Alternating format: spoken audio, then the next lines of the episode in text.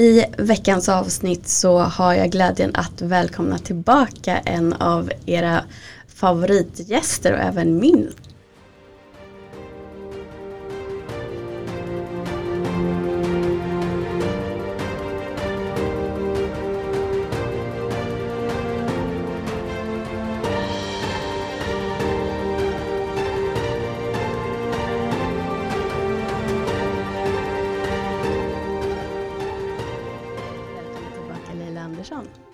Tack så mycket. Det här har jag verkligen sett fram emot. Så kul att vara tillbaka.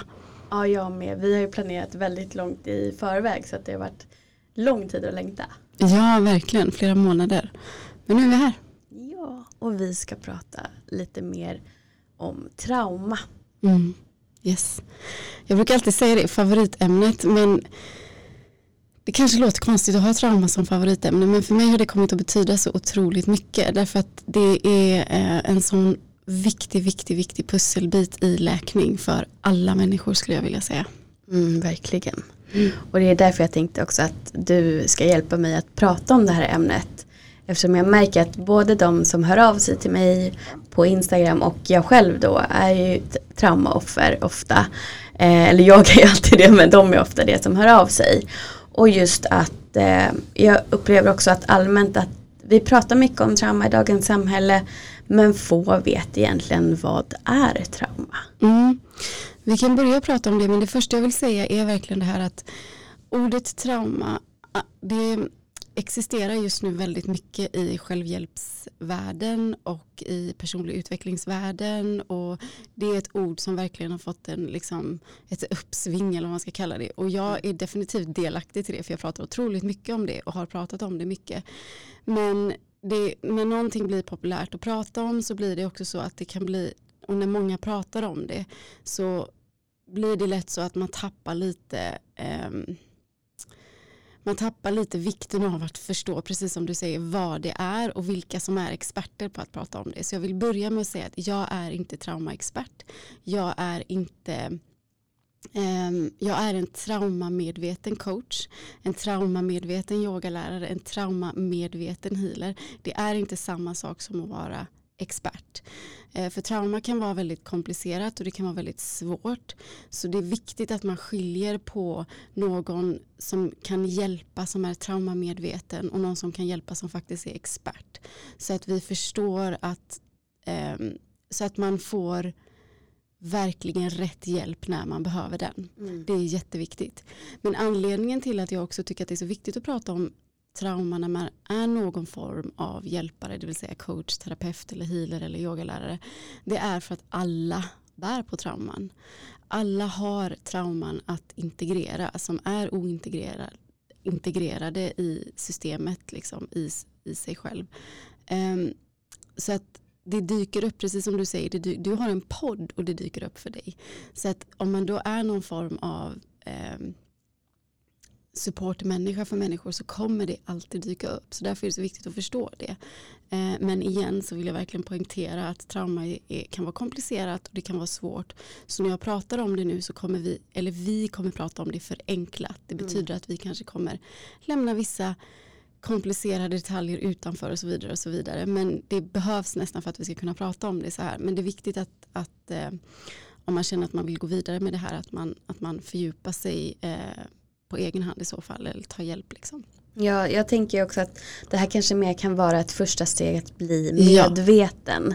Ja. Um, jag vet ju att för mig, jag har ju såklart vetat om att jag har blivit våldtagen men jag kanske inte har vetat om riktigt vad det har skapat i mig. Precis. Och när jag då blev medveten om vad det var så kunde jag prata med min terapeut som också är traumamedveten men inte expert. Och sen kan hon utifrån det rekommendera hur jag Exakt. går vidare till exempel om jag behöver kroppsterapi eller sådana saker. Exakt, jätteviktigt och det är jätteviktigt som en traumamedveten terapeut att faktiskt säga stopp ja, här behöver du gå vidare. För jag har märkt också att i den världen jag rör mig. Till exempel så finns det metoder som breathwork som är otroligt, otroligt läkande när man har olika typer av trauman att integrera som inte är integrerade.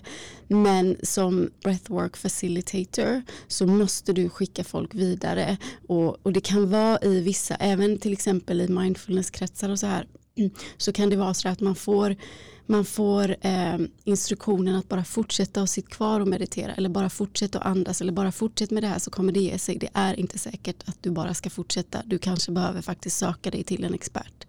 Eh, så det är jätteviktigt och fantastiskt att din terapeut har varit så tydlig.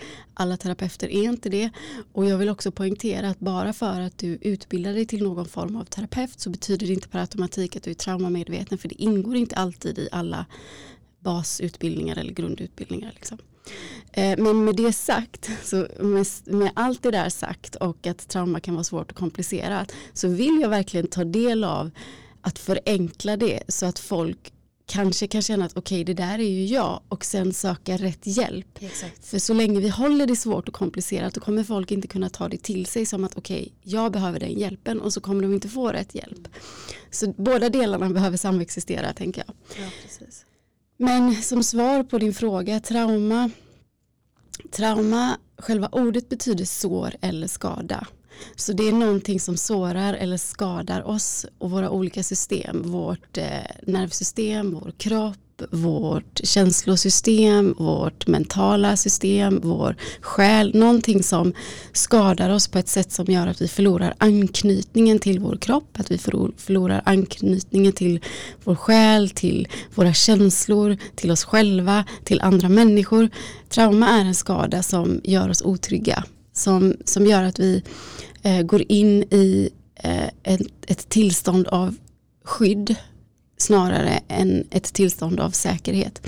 Och det kan vara Ordet trauma skrämmer många för man tänker att det är de här stora sakerna, att det är krig, att det är sexuella övergrepp, att det är naturkatastrofer, att det är de här stora grejerna.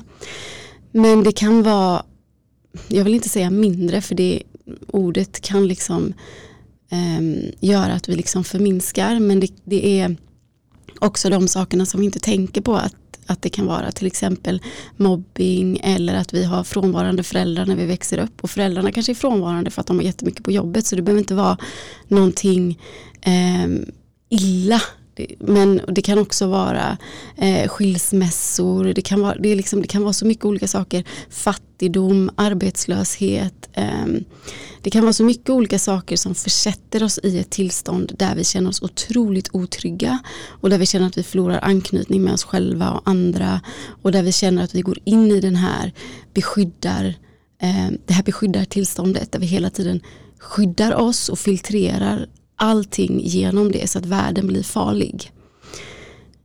Och, och liksom man kan säga att trauma, för trauma är så individuellt, det är väldigt individuellt. Det är liksom individuellt för våra egna unika nervsystem och kroppar. Så man skulle också kunna säga att det är någonting som överväldigar vårt unika nervsystem och som vi inte klarar av att återintegrera. Någonting vi är med om som överväldigar oss, eh, som är liksom för mycket för snabbt på för kort tid för vårt nervsystem för att vi ska klara av att integrera det eh, och ta hand om det. Integrera betyder att ta hand om, läka eh, så att vi liksom kommer tillbaka och blir eh, får anknytning till oss själva och blir oss själva igen efteråt.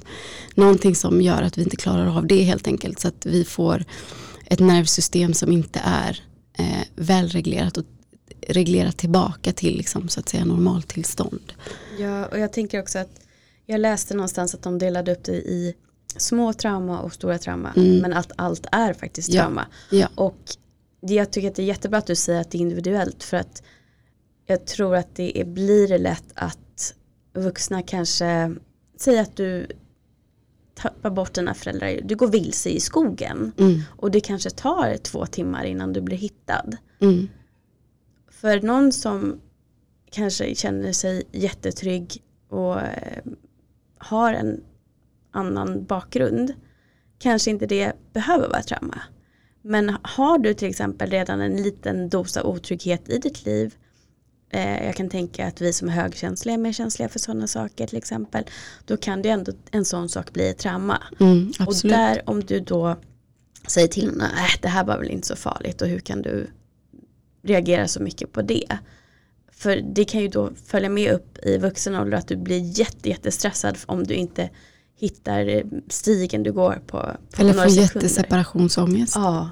Mm. Så att vi ändå så här är varsamma mot varandra och också oss själva i och med att det är så individuellt. Det är jätteviktigt och om du har till exempel då om du är den personen som, som reagerar väldigt kraftfullt på att liksom, du går vilse och förlorar dina föräldrar i skogen. Om du redan tidigare till exempel har erfarenhet av övergivenhet då kommer det bli jättejobbigt för dig. Och då, för då kanske den tidigare övergivenhet har gjort att ditt nervsystem och hela ditt system och känslosystem eh, gör att du redan är i ett tillstånd av att inte kunna hantera övergivenhet och att du, du det, det blir liksom kaka på kaka. Mm. Eh, men sen också så beror det på när du blir övergiven. För att till exempel om du är ett litet barn, jag, jag kommer inte ihåg exakt, eh, men när du är väldigt liten, eh, bara upp mot året och så någonstans där går gränsen. Don't hold me to my words här för jag kommer inte ihåg exakt gränsen här nu. Men när du är väldigt liten så har du inte förmågan. Till exempel om, om din mamma eller pappa eller din eh, vårdnad, den som tar hand om dig, lämnar dig i köket för att gå på toaletten, till exempel i en liten babysitter eller vad det är, så har inte du som så liten förmågan att veta att okej, okay, mamma kommer komma tillbaka. Du kan liksom inte du har inte fortfarande utvecklat den förmågan att veta att mamma kommer tillbaka. Så bara att, och nu menar inte jag att vi ska skuldbelägga alla föräldrar som har lämnat sina barn, för det, det, de här sakerna går, det är liksom, det behöver inte bli en stor grej liksom. Men men bara en sån sak att ett sånt litet barn vet inte att mamma kommer komma tillbaka från toaletten. Så det, bara det kan sätta sina spår. Liksom. Det är väl mer att vi skapar förståelse, att ja. vi faktiskt skapar Ja men precis och sen om man är en väldigt kärleksfull och närvarande förälder då kommer man liksom väga upp det så att det är liksom ingen mm. fara. Mm. Men, men man ska veta att det finns olika, just på tal om det här att um, trauman kan vara individuellt och att trauman, det finns små trauman och stora trauman. Man brukar prata om eh, trauman med stort T och trauman med lite T. Och det, jag skriver om det i min bok också för ett helt kapitel där om bara trauman för att det är så viktigt. Och trauma med stora T det är de här naturkatastroferna och krigen och övergreppen och eh, alla de här liksom chockartade grejerna. Sak, saker som sker chockartat och som oftast sker en gång. Liksom. Medan trauman med små T de sker över tid eh, och de eh, är inte lika chockartade i ögonblicket på det sättet. Men de får samma effekt på oss om de lämnas oläkta och ointegrerade. Liksom. Mm. Eh, mm jätteviktigt att eh, förstå och också jag tänker att om ni nu känner igen att ni kommer på att tänka på allting att ni själva har reagerat väldigt starkt eller någon nära er, någon vän, någon partner har reagerat väldigt starkt och ni har inte riktigt förstått proportionerna till vad är det som händer just här och nu i vuxen ålder. Mm. Att om ni pratar om det att det kanske kommer fram att det faktiskt har varit ett det kan vara ett trauma då med litet t.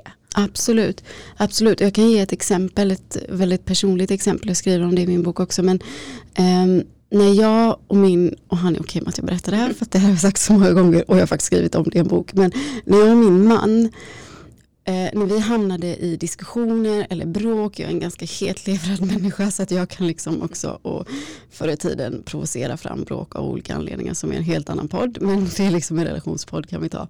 Men eh, när vi bråkade och hamnade ganska intensivt och han är världens mest tålmodigaste, lugnaste människa, snällaste människa.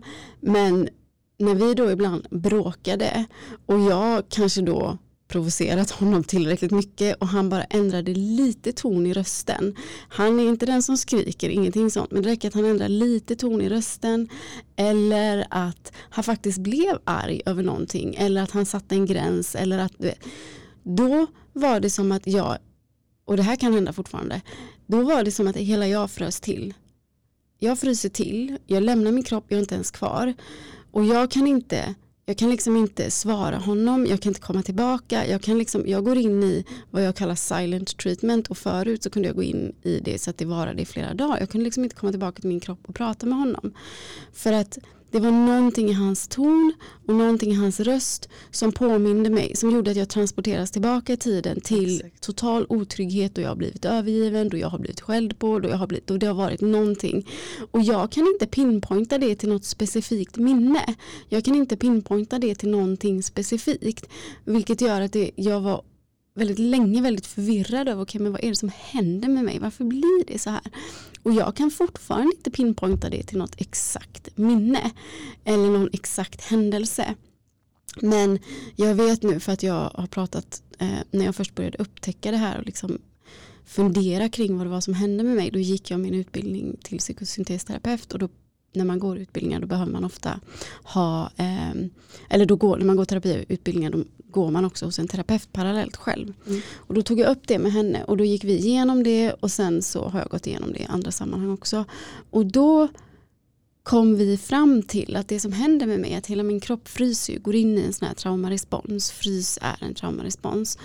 Eh, och det är skillnad på frys och kollaps. Eh, men det här är ett sånt här tillfälle då jag inte ska göra det så komplicerat för det är inte viktigt för lyssnarna att veta detaljerna kring det här. Men, men jag gick in i frys och ibland i kollaps. Så att jag, jag liksom, eh, när man är i frys är man fortfarande lite aktiverad men då jag lämnade. Jag, jag, jag kunde liksom inte vara kvar i min kropp. Så hur mycket jag än tänkte i min hjärna att nu ska jag lugna ner mig, nu ska jag komma tillbaka till honom, nu ska jag säga förlåt, nu ska vi ha ett liksom vuxet samtal om det här, varför gör jag så här, för det här skadar vår relation. Det är liksom, men min kropp kunde inte röra sig. Det var helt omöjligt för mig att, att liksom komma tillbaka in i relationen.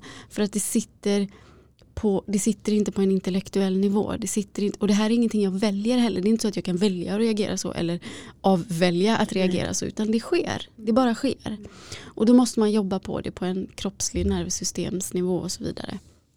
Lång utläggning för att ge ett exempel. Men det är det kan vara så diffust som man fattar inte. Någonting sker men man fattar inte. Det, oftast sker det i relationer. Ehm, det sker i andra tillfällen också men det blir ofta väldigt tydligt i nära relationer. Att det, blir, det blir liksom diffust, man bara men jag fattar inte, jag är en vuxen människa nu, jag beter mig så här men jag fattar inte varför.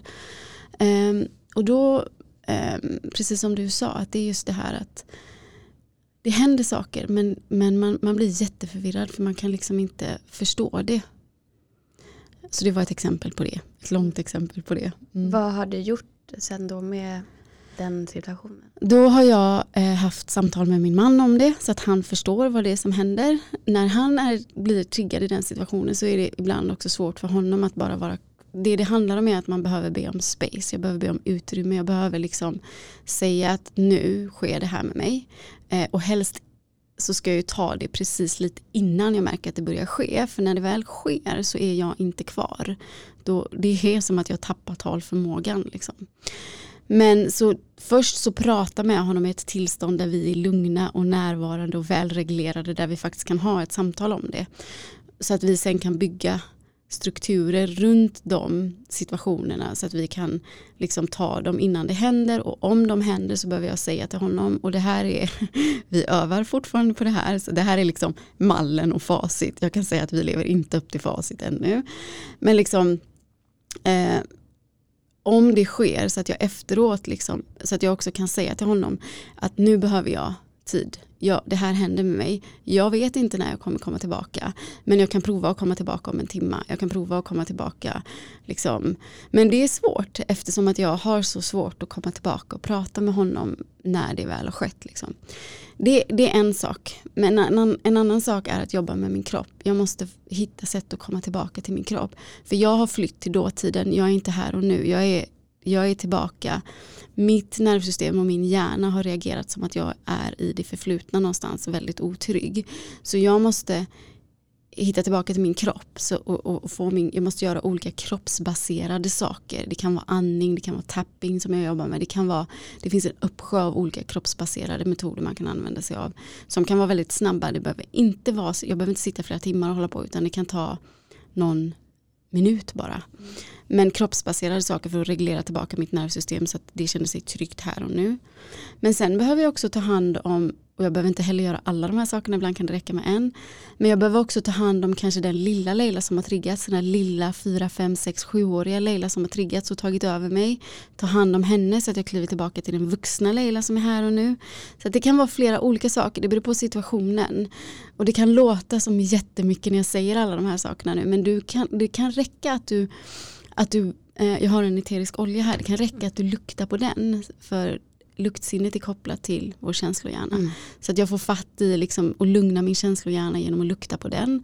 Det kan vara som jag sa tapping när man knackar på olika punkter på kroppen. Det kan vara att jag sitter och andas. Det kan vara att jag går ut och gör eh, när man hamnar i freeze och framförallt sen i kollaps då som är total immobilitet eh, då behöver man röra sig. Eh, fight or flight som är andra responser då behöver man kanske göra Ibland behöver man röra sig då också men då, behöver, då kanske det passar bättre att vila, meditera, göra de här andra sakerna. Men när du hamnar i freeze eller kollaps då behöver du röra på dig. Så det kan vara att jag kanske går ut och springer. Bara en kort, det behöver inte vara att jag ska springa långt som helst men att jag går ut och springer lite för att få igång kroppen och komma tillbaka. Så det kan vara massa olika saker. Man måste, igen, det är individuellt. Mm. Man behöver lära känna det här för sig själv. Liksom. Hitta sina exempel och lära känna det här för sig själv. Någonting som man vet bringar lugn och trygghet. Kanske. Ja, tillbaka till trygghet. Mm. Det är det det handlar om. Hjärnan behöver komma tillbaka till trygghet. Mm. Jag behöver känna mig trygg i det ögonblicket för att kunna kliva tillbaka in i relationen. Liksom.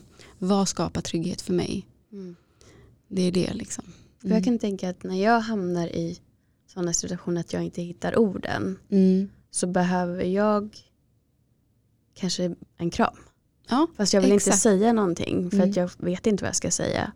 Mm. Men om någon då kramar mig eller klappar mig på ryggen, av någon mm. anledning blir jag väldigt lugn när någon klappar mig på ryggen. Eh, så att det tänker jag att jag behöver liksom närhet. Beröring är Beröring. Mm. jättebra mm. sätt att komma tillbaka. Och du kan göra det på dig själv. Du kan liksom ta din, mm. man brukar prata om den här trygga handen. Du kan ta den och placera på hjärtat och magen. Eller ibland så brukar jag visa mina klienter att man håller en hand på pannan och en hand bak på huvudet. Att man liksom håller på olika sätt på kroppen. Att man ger sig själv en kram. Eller om man då har en partner och man har det här samtalet innan att man kanske kommer överens om att liksom vissa har sådana här safe words, att man säger vissa ord som, som gör att okej okay, nu vet jag att jag är trygg. För när han säger det här ordet och jag säger det här ordet då är jag trygg att komma tillbaka. Men det kan också vara, ja, men om du lägger en hand på mitt lår. För benen är ofta sådär liksom, om en tunga tillbaka, ner mot trygghet, mot golvet, mot marken. Liksom eh, lägg en hand på mitt lår eller vad man nu tycker. För vissa är det, känns inte det alls bra så igen du måste liksom hitta vad som funkar för dig. För andra kan tycka att det känns jätteobehagligt att någon annan tar på en. Men liksom, så det finns olika beröringar, jätte, jätteviktig del mm. för att komma tillbaka. Mm. Jag fick ett knep också när jag gick hos en, life, en livscoach. Mm. Eh, att man bara lägger tummen inuti handflatan mm. och kramar dem. För att det är lite grann som att man håller sitt inre yeah. barns hand. Mm. Och jag har ju kommit på mig själv flera gånger att jag sitter sådär mm. egentligen omedvetet. Och då brukar jag bli medvetet, så här, vad, vad, är det nu som triggar att jag ja. behöver hålla min egen hand. Mm, Men det är, mm. väldigt, det är en enkel grej du kan göra var som helst. Ja, och det är det jag menar, att det behöver inte vara komplicerat. Mm. Det behöver inte vara komplicerat. Det kan vara enkelt. Det kan vara så enkelt som att man grundar fötterna i marken, golvet och verkligen känner jorden och grunden under sig. Eh, så att man är kvar. Liksom. Eh, det behöver inte vara komplicerat. Mm. Mm. Och det är väl lite det vi tänker hela syftet med det här avsnittet också. Att ni ska förstå ni som lyssnar att trauma behöver inte vara någonting som i ert huvud är någonting jättestort men det har fortfarande påverkat dig. Och det finns lätta, enkla saker att göra för att också lugna och hitta mm. vägar som underlättar. Verkligen, verkligen. Och mycket, om man är sån som har mycket liksom negativa tankar, väldigt liksom mörka tankar om sig själv och svårt med intimitet, man har kanske beroendebeteenden, man har ätstörda beteenden, det är mycket sånt som pågår, då har man förmodligen liksom eller jag skulle säga i alla fall av alla fall, mm. så har man förmodligen trauma som man behöver integrera. Um, och igen, det behöver inte vara de här stora sakerna utan um, det kan vara liksom precis vad som helst. Och jag vill också säga att man behöver faktiskt inte alltid förstå exakt vad det var, precis som i mitt exempel. Man behöver inte komma ihåg, man behöver inte veta alla detaljer, man behöver inte man behöver inte veta allting om sina trauman för att kunna läka dem. För att det handlar väl, trauman visar sig väldigt ofta i reaktioner, i känslomässiga reaktioner, i kroppsliga reaktioner. Eh, man tänker ofta att trauman visar sig i flashbackminnen, det kan det göra också absolut. Men trauman visar sig ofta i reaktioner. Eh, Så det räcker att man liksom får fatta sina reaktioner för att man ska kunna, kunna läka det. Blir jag ofta väldigt arg i vissa situationer? Eller eller eh, känner jag mig väldigt sorgsen i vissa situationer? Eller har jag väldigt mycket ångest? Att hela tiden andas mycket i, i liksom högt upp i bröstet i vissa situationer. Eller det är liksom som den här min reaktion som jag gav exempel på. Eller liksom, det visar sig oftast i reaktioner i både kroppen och känslor och så vidare. Så att kommer man åt dem och jobbar med dem då kommer man väldigt långt. Ja, jag tänker ju också att ofta kroppen visar vägen och mm. ditt psyke visar vägen. Vad du ens är redo för att förstå. Och sen fungerar vi väldigt olika. Vissa av oss som jag till exempel, jag vill verkligen förstå vad det är som händer. Vad grunden finns för att kunna läka. Men jag har ju ganska stora trauman så det är lite lättare att pinpointa vad det är som händer. Mm. Um, med, medan jag tänker att ett trauma som att jag kanske gick bort mig på stormarknaden när jag var liten och inte hittade mamma och pappa. Där känner jag att om jag tycker att det är obehagligt att gå vilse nu, där känner jag att det är lättare att self-soothe. Mm. Och då blir det kanske inte jätteviktigt för mig att komma ihåg exakt när och var och, och sådana saker när det hände. Utan där får man känna själv och känna in framför allt. Medan när jag fick en flashback som jag faktiskt, jag kan säga att för mig, jag har inte haft mer än max två flashbacks mm. överhuvudtaget på 20 år. Så du behöver inte heller få flashbacks för att du har varit med om något större. Nej. Och då har jag varit med om en ganska stor trafikolycka en gång i tiden när jag var 11. En, där jag höll på att dö. Den var väldigt liksom så, jag har aldrig haft flashbacks. Nej, för jag tror att många kanske också, eh, jag inkluderat, vi stänger av väldigt mycket. Jag hade inga minnen i stort sett överhuvudtaget av den andra våldtäkten. Mm. Eh, det var så pass att jag tänkte att jag måste ha blivit drogad för jag minns ingenting. Innan jag fick medvetenheten om att det är mitt eget psyke som har yeah. stängt av. Yeah. Eh, för att polisen hittade ingenting i mitt system med den alkohol den kvällen. Och eh, nu i våras, liksom, det var 2008 hände det. Så det är många, många år senare så sitter jag och tittar på Tunnelblå linjen och en tjej i serien då har blivit våldtagen och hennes reaktion när hon sitter och inte vill att de rör henne och blir hittad av polisen i gräset.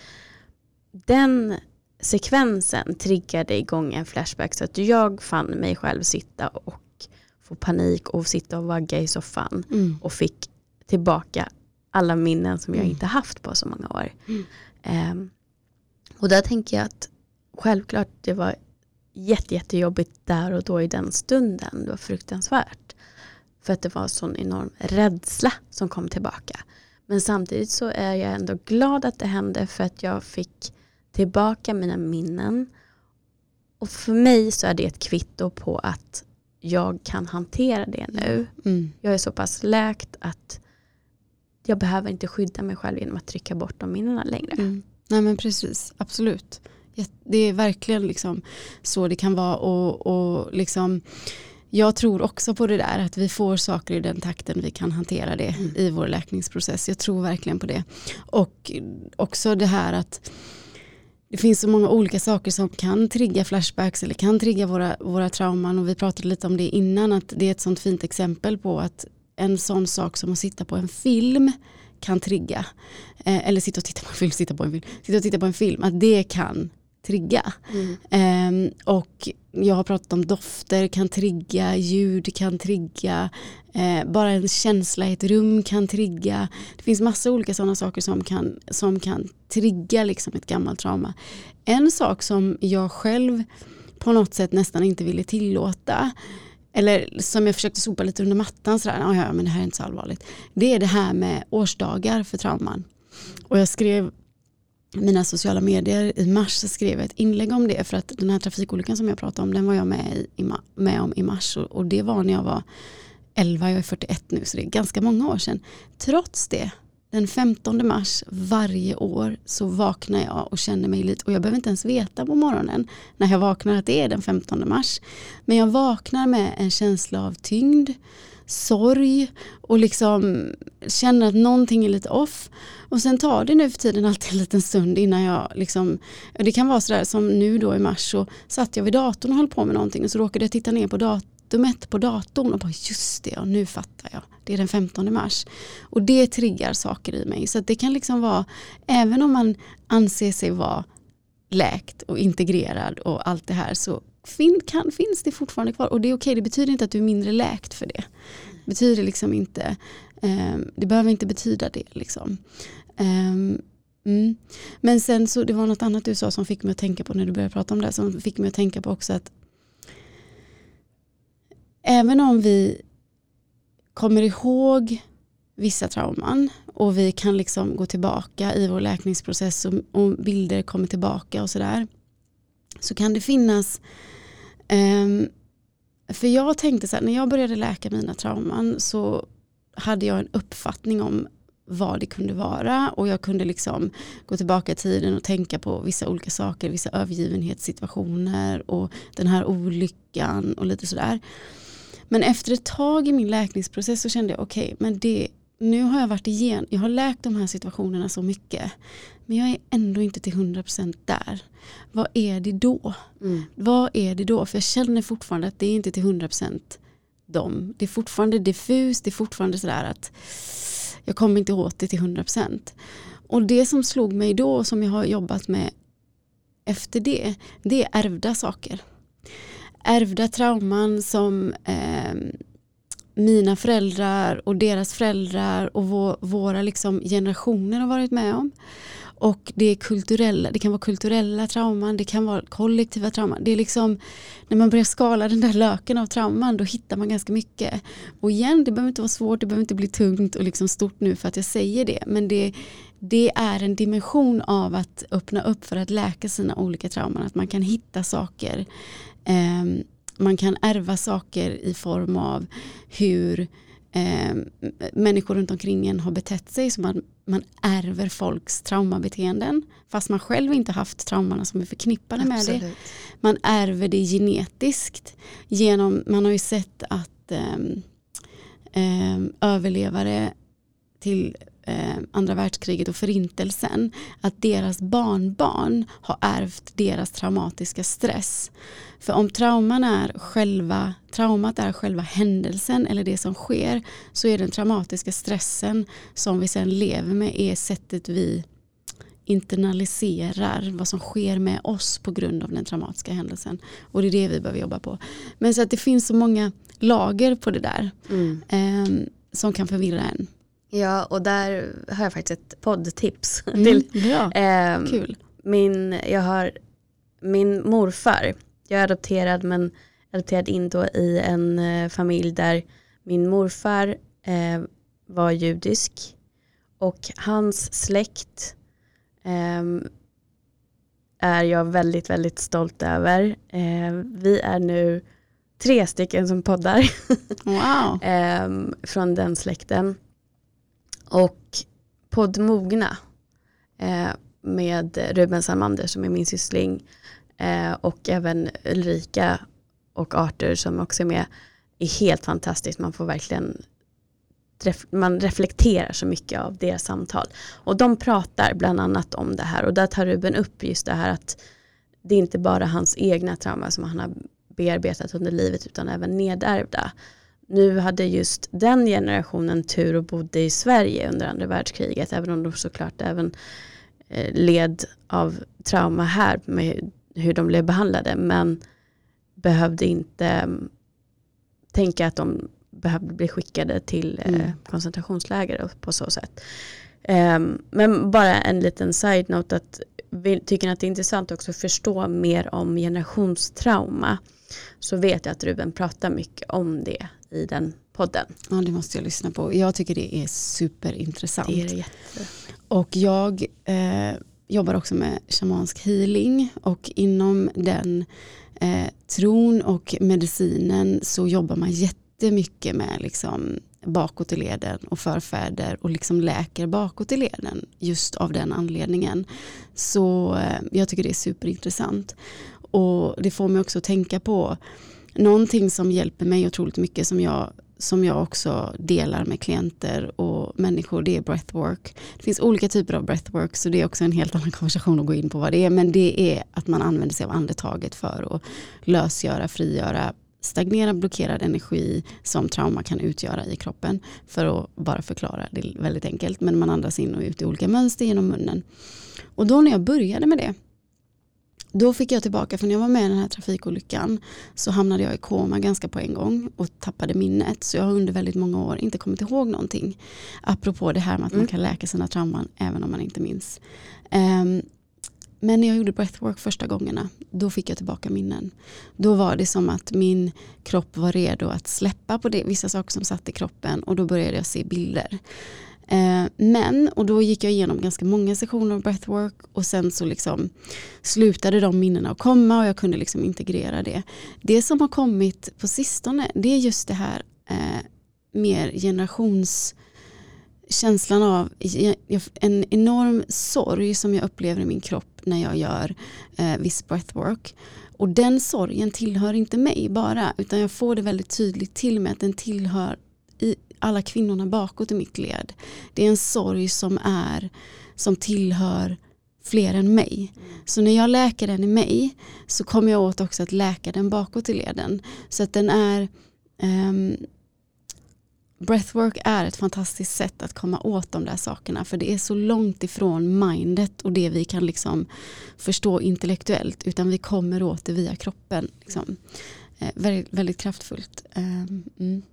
Mm. Jag, jag tror att om man bara är nyfiken och medvetet gör så förstår man också vad som ligger hos en själv och vad som faktiskt ligger tillbaka i flera generationer. Yes. Och jag kan i alla fall tänka att jag skulle känna att det också kändes lite som en lättnad. Och också, och, men dels för att det är ingenting som har hänt mig så, om jag inte hittar vad det är för någonting, att jag kan förstå att okej, okay, men nu förstår jag att det här är någonting som har kommit till mig genom generationer.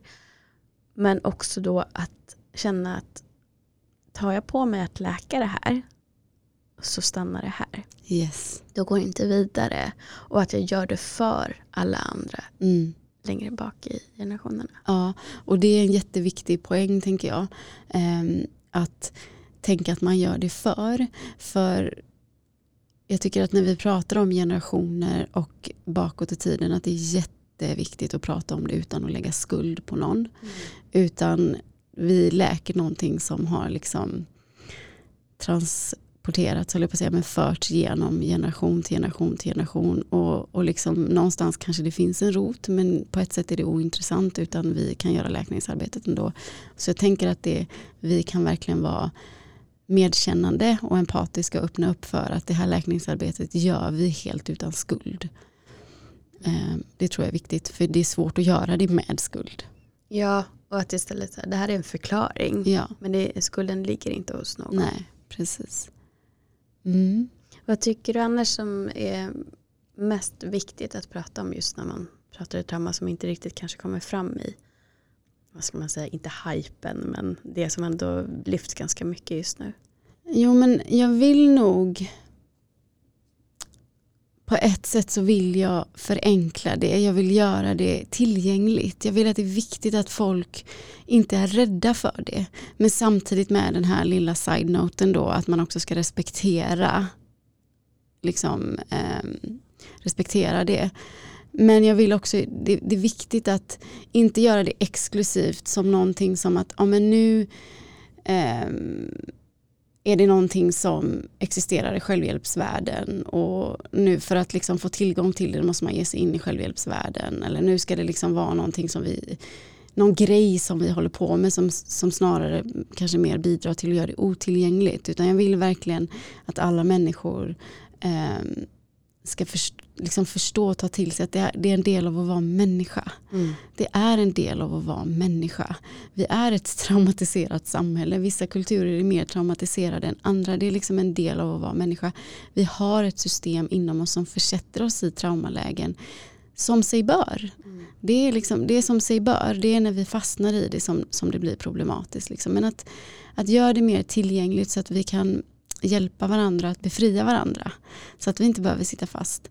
Um, så det är väl kanske det jag vill uh, förmedla. Att, att man inte ska vara så rädd för det. Att man inte ska vara så rädd för att titta på det eller um, ta det till sig. Eller um, Avstigmatisera ordet ja, trauma precis, lite. Precis, precis.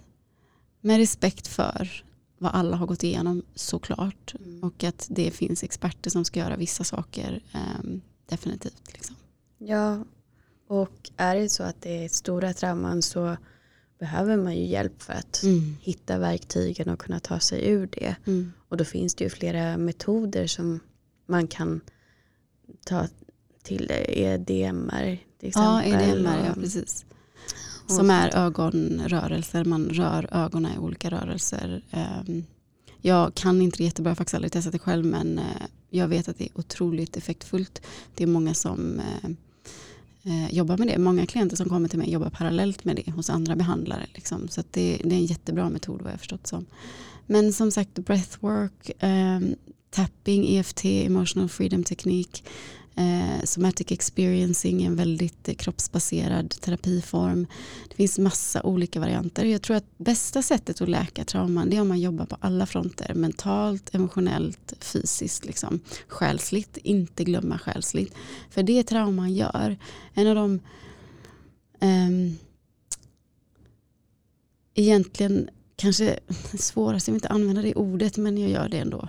Eh, svåraste sakerna att förhålla sig till är den här totala förlusten av anknytning till sig själv och sin kraft och den här totala förlusten eh, av, av tillit, tillit till världen, att livet är gott, att livet vill dig väl, att världen är god, att världen vill dig väl. Det finns saker som inte är det är också en annan diskussion. Så jag menar inte att förringa någonting men att, att man hela tiden att man förlorar anknytningen till att det finns en god kraft i en själv Mm. och att det finns en god kraft i världen och i universum som vi kan lita på. Det är en av de svåraste sakerna ehm, som vi tappar liksom när vi är med om trauman men som är otroligt läkande när vi hittar tillbaka. Så jag tänker att det är jätteviktigt att också ta med den aspekten när man läker trauman. Liksom. Ehm, mm. Ja, och där, där kan jag ju prata för mig själv. Bara för att ni ska förstå att det är en stor vinst att jobba med det. Att förlora tilliten till att man själv kan göra sunda val. Och förlora tilliten till att du kan eh, göra saker som är bra för dig. För att ibland så tror jag att vi fastnar lite grann i offerrollen efter trauma och tar beslut som inte är vårt högsta bästa. Ehm, och det kan också såklart vara för att du inte litar på att du till exempel väljer rätt personer som vänner eller som kärlekspartners. För att du tycker att nej men eh, jag är inte värd det innerst inne fast du omedvetet gör det. Du vet inte att det är just för att du inte känner dig värd för att du har blivit traumatiserad utan du gör det för att det har blivit en vana och en vana känns trygg för att det är någonting Exakt. som händer om och om igen. På samma sätt så kan du ju lära om om och om igen Mm. och faktiskt lära dig att nu tar jag beslut som är baserade på vad som är bäst för mig. Och övning ger färdighet. Mm. Så fort du sätter dig i system och göra det lite grann åt gången och börjar känna med hela kroppen. Igen det här att hela kroppen ska vara med. Psyket ska vara med, det, nervsystemet ska vara med. Att känna hela du att det här beslutet som jag tagit nu, det här valet jag gjort är rätt för mig. Och våga lita på din intuition igen. Mm. Att våga försätta sig i otrygghet. Lite per lite sätta sig i otrygghet. För den här offerrollen är väldigt trygg. Om jag frågar dig, när du går in i offerrollen, hur gammal känner du dig då? Åtta. Ja, precis. Så du, då vet ju du. Och Mm. den här frågan är så effektiv. Varje gång du går in i något sånt mönster så fråga dig själv hur gammal känner du dig. Då vet oftast, jag skulle säga i alla fall av alla, så känner man sig väldigt liten. Då vet du att okej, okay, nu har något hänt som har transporterat mig tillbaka till dåtiden. Jag känner mig otrygg utifrån dåtiden. Är jag faktiskt på riktigt otrygg här? Nej, det är jag nog inte.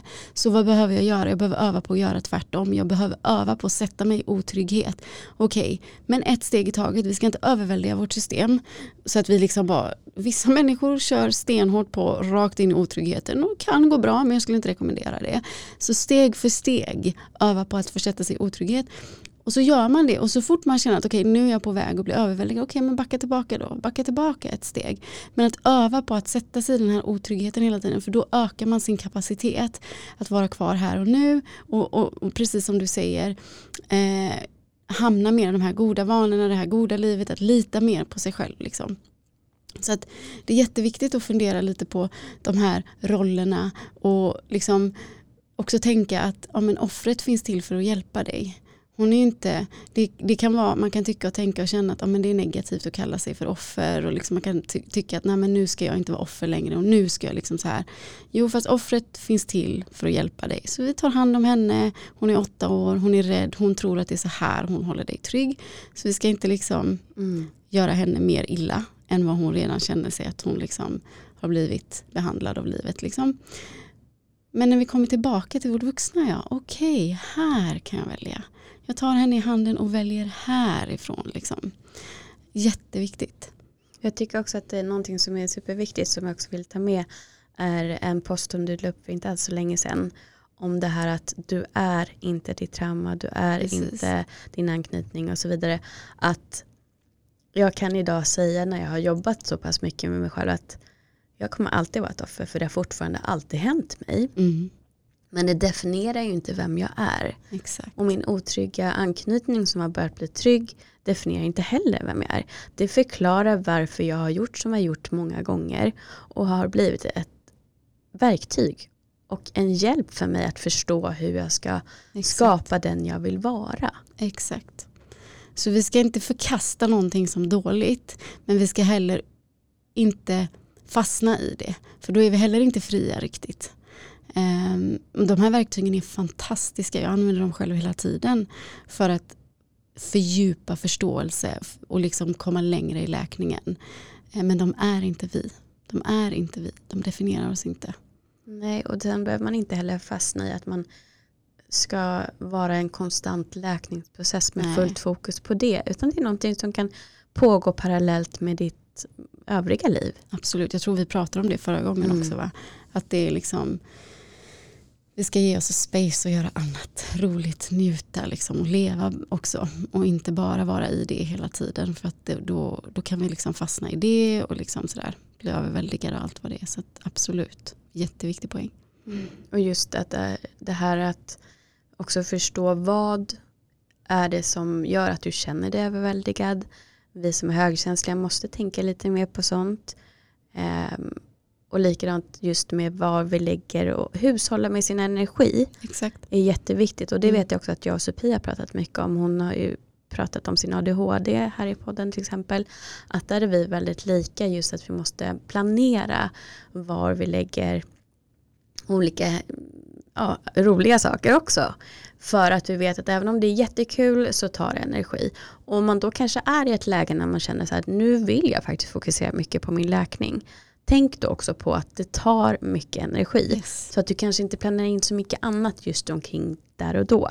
Går det till exempel i eh, kroppsterapi då kanske du behöver göra bara det den dagen till mm. exempel. Mm. Annars finns risken att du inte integrerar det du, det du upptäcker när du går i terapi eller det du möter eller att du inte integrerar det. Och integreringen är oavsett vad man väljer att göra så är integreringen nästan det absolut viktigaste. Det vill säga vad vi gör med det i våra dagliga beslut, i våra relationer, i vår vardag. I liksom, integreringen är det viktigaste.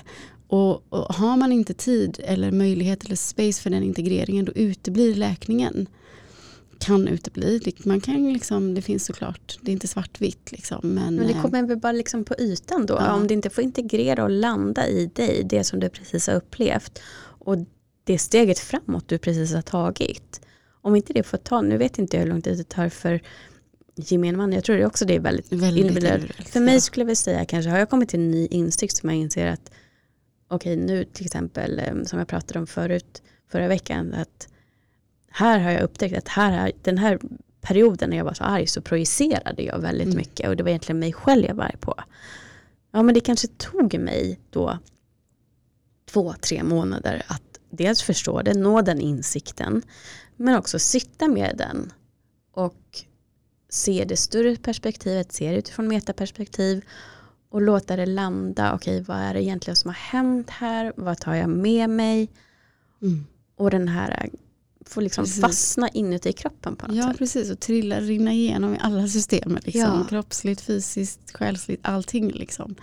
Det tar tid men det är såklart individuellt för alla hur lång tid det tar så det går inte att säga men det, det får man en ganska, tänker jag i alla fall, ganska snabbt en uppfattning om. Liksom, om, man, om man bestämmer sig för att ha den intentionen ehm, så kan man känna in liksom, tiden och vad man behöver och sådär. Mm. Mm.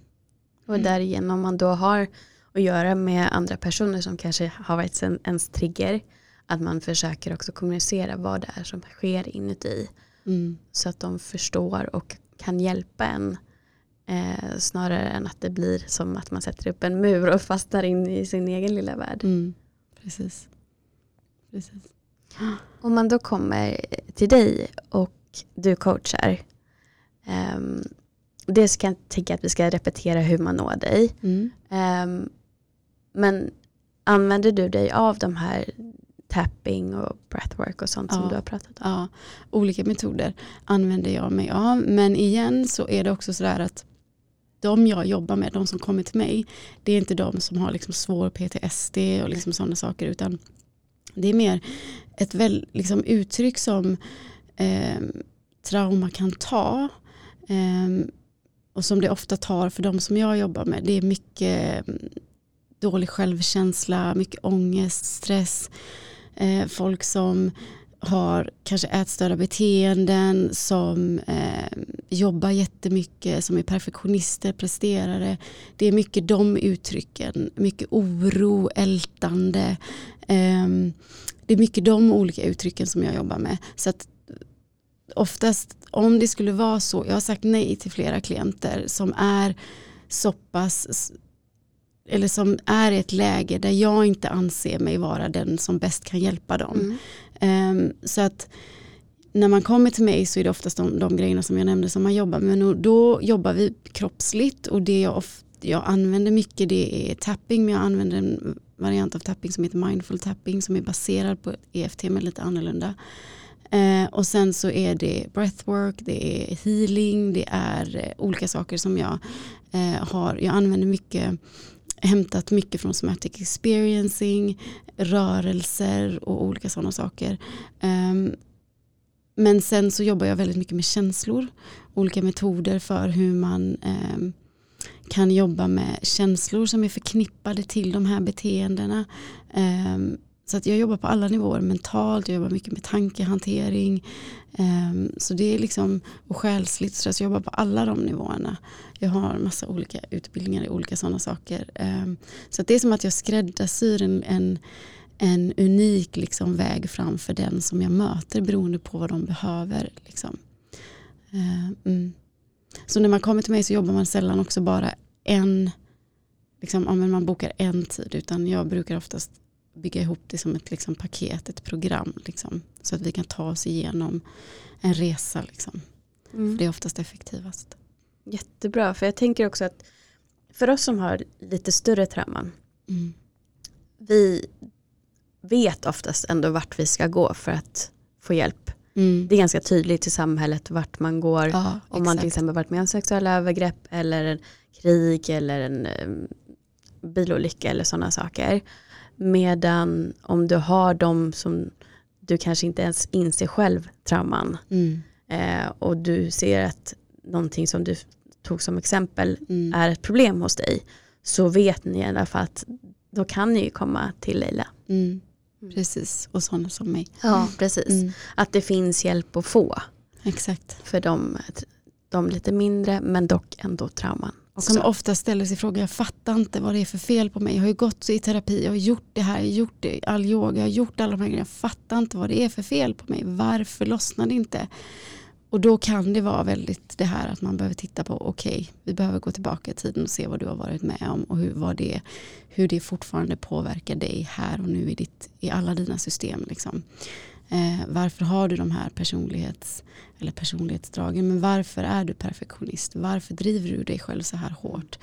Oftast då hittar man ju att det handlar om liksom, sår, emotionella sår som övergivenhet eller otillräcklighet eller liksom de här sakerna som är kopplade till de här traumorna med mindre T. Liksom. Mm, exakt. Om man då vill gå på den här upptäcktsfärden med dig, eh, vad når man dig? Då kan man börja med om man vill köpa min bok. För där, den boken är verkligen en handbok i det här och den heter Hälso, Hälsorebell, läkning, näring och motivation för ett friare liv. Och där finns ett helt kapitel om trauma men där, det finns ett kapitel om själslig läkning och allting sånt. Så den är liksom en handbok i det här. Men sen om man vill gå ännu djupare då kan man höra av sig till mig. Och då kan man gå in på min Instagram, Leila Andersson underscore. Så det är bara att Leila Andersson underscore. Och på min Instagram har jag också en länk där man kan eh, hitta vidare till mina program, gratisprodukter, boka, eh, man kan boka mig i min kalender, man kan liksom hitta vidare där till mig. Man kan hitta mig på Facebook. Min hemsida håller jag på att göra om så den kan man inte hitta ännu. Men hitta den där länken på Instagram. Så hit, och har man inte Instagram, för alla har ju inte det, då kan man faktiskt googla på eh, att Leila Andersson underscore så kan man klicka upp min Instagram där och så hittar man allting. Super, superbra. Och jättebra info idag. Ja, det var så kul. Tack snälla för att jag fick komma tillbaka. Ja, jättekul att ha dig här igen. Det gav som vanligt jättemycket. Ja, vad roligt. Toppen. Jag kommer länka också så att folk kan bara klicka där och sen som vanligt det är också enkelt om man följer bakom fasaden-podden på Instagram bara gå och kolla på följare och eh, de jag följer så ja, hittar man dig också. Verkligen. Eh, och sen så har jag också en Facebookgrupp som man kan gå där jag delar mycket, ganska mycket saker. Mm. Nu den, de, den senaste tiden så har jag haft så mycket med annat så det har varit lite lugnt den senaste tiden men där delar jag mycket. Jag brukar alltid säga det, jag vill inte att läkning ska vara exklusivt för de som har råd. Så där försöker jag i perioder dela så mycket jag kan som också är gratis. Eh, för det är viktigt. Ja, och eh, sen så kan ni också gärna om ni inte redan har det lyssna på vårt förra avsnitt som yes. var det första för den här säsongen. Och där finns också alla länkar till, eh, till Leila. Mm. Så att eh, om man går in på beskrivningen på den. Yes. Jättebra. Mm. Så tack så mycket igen. Tack själv. Och eh, tack, tack till dig som lyssnat. Och tills vi hörs igen, ta hand om dig.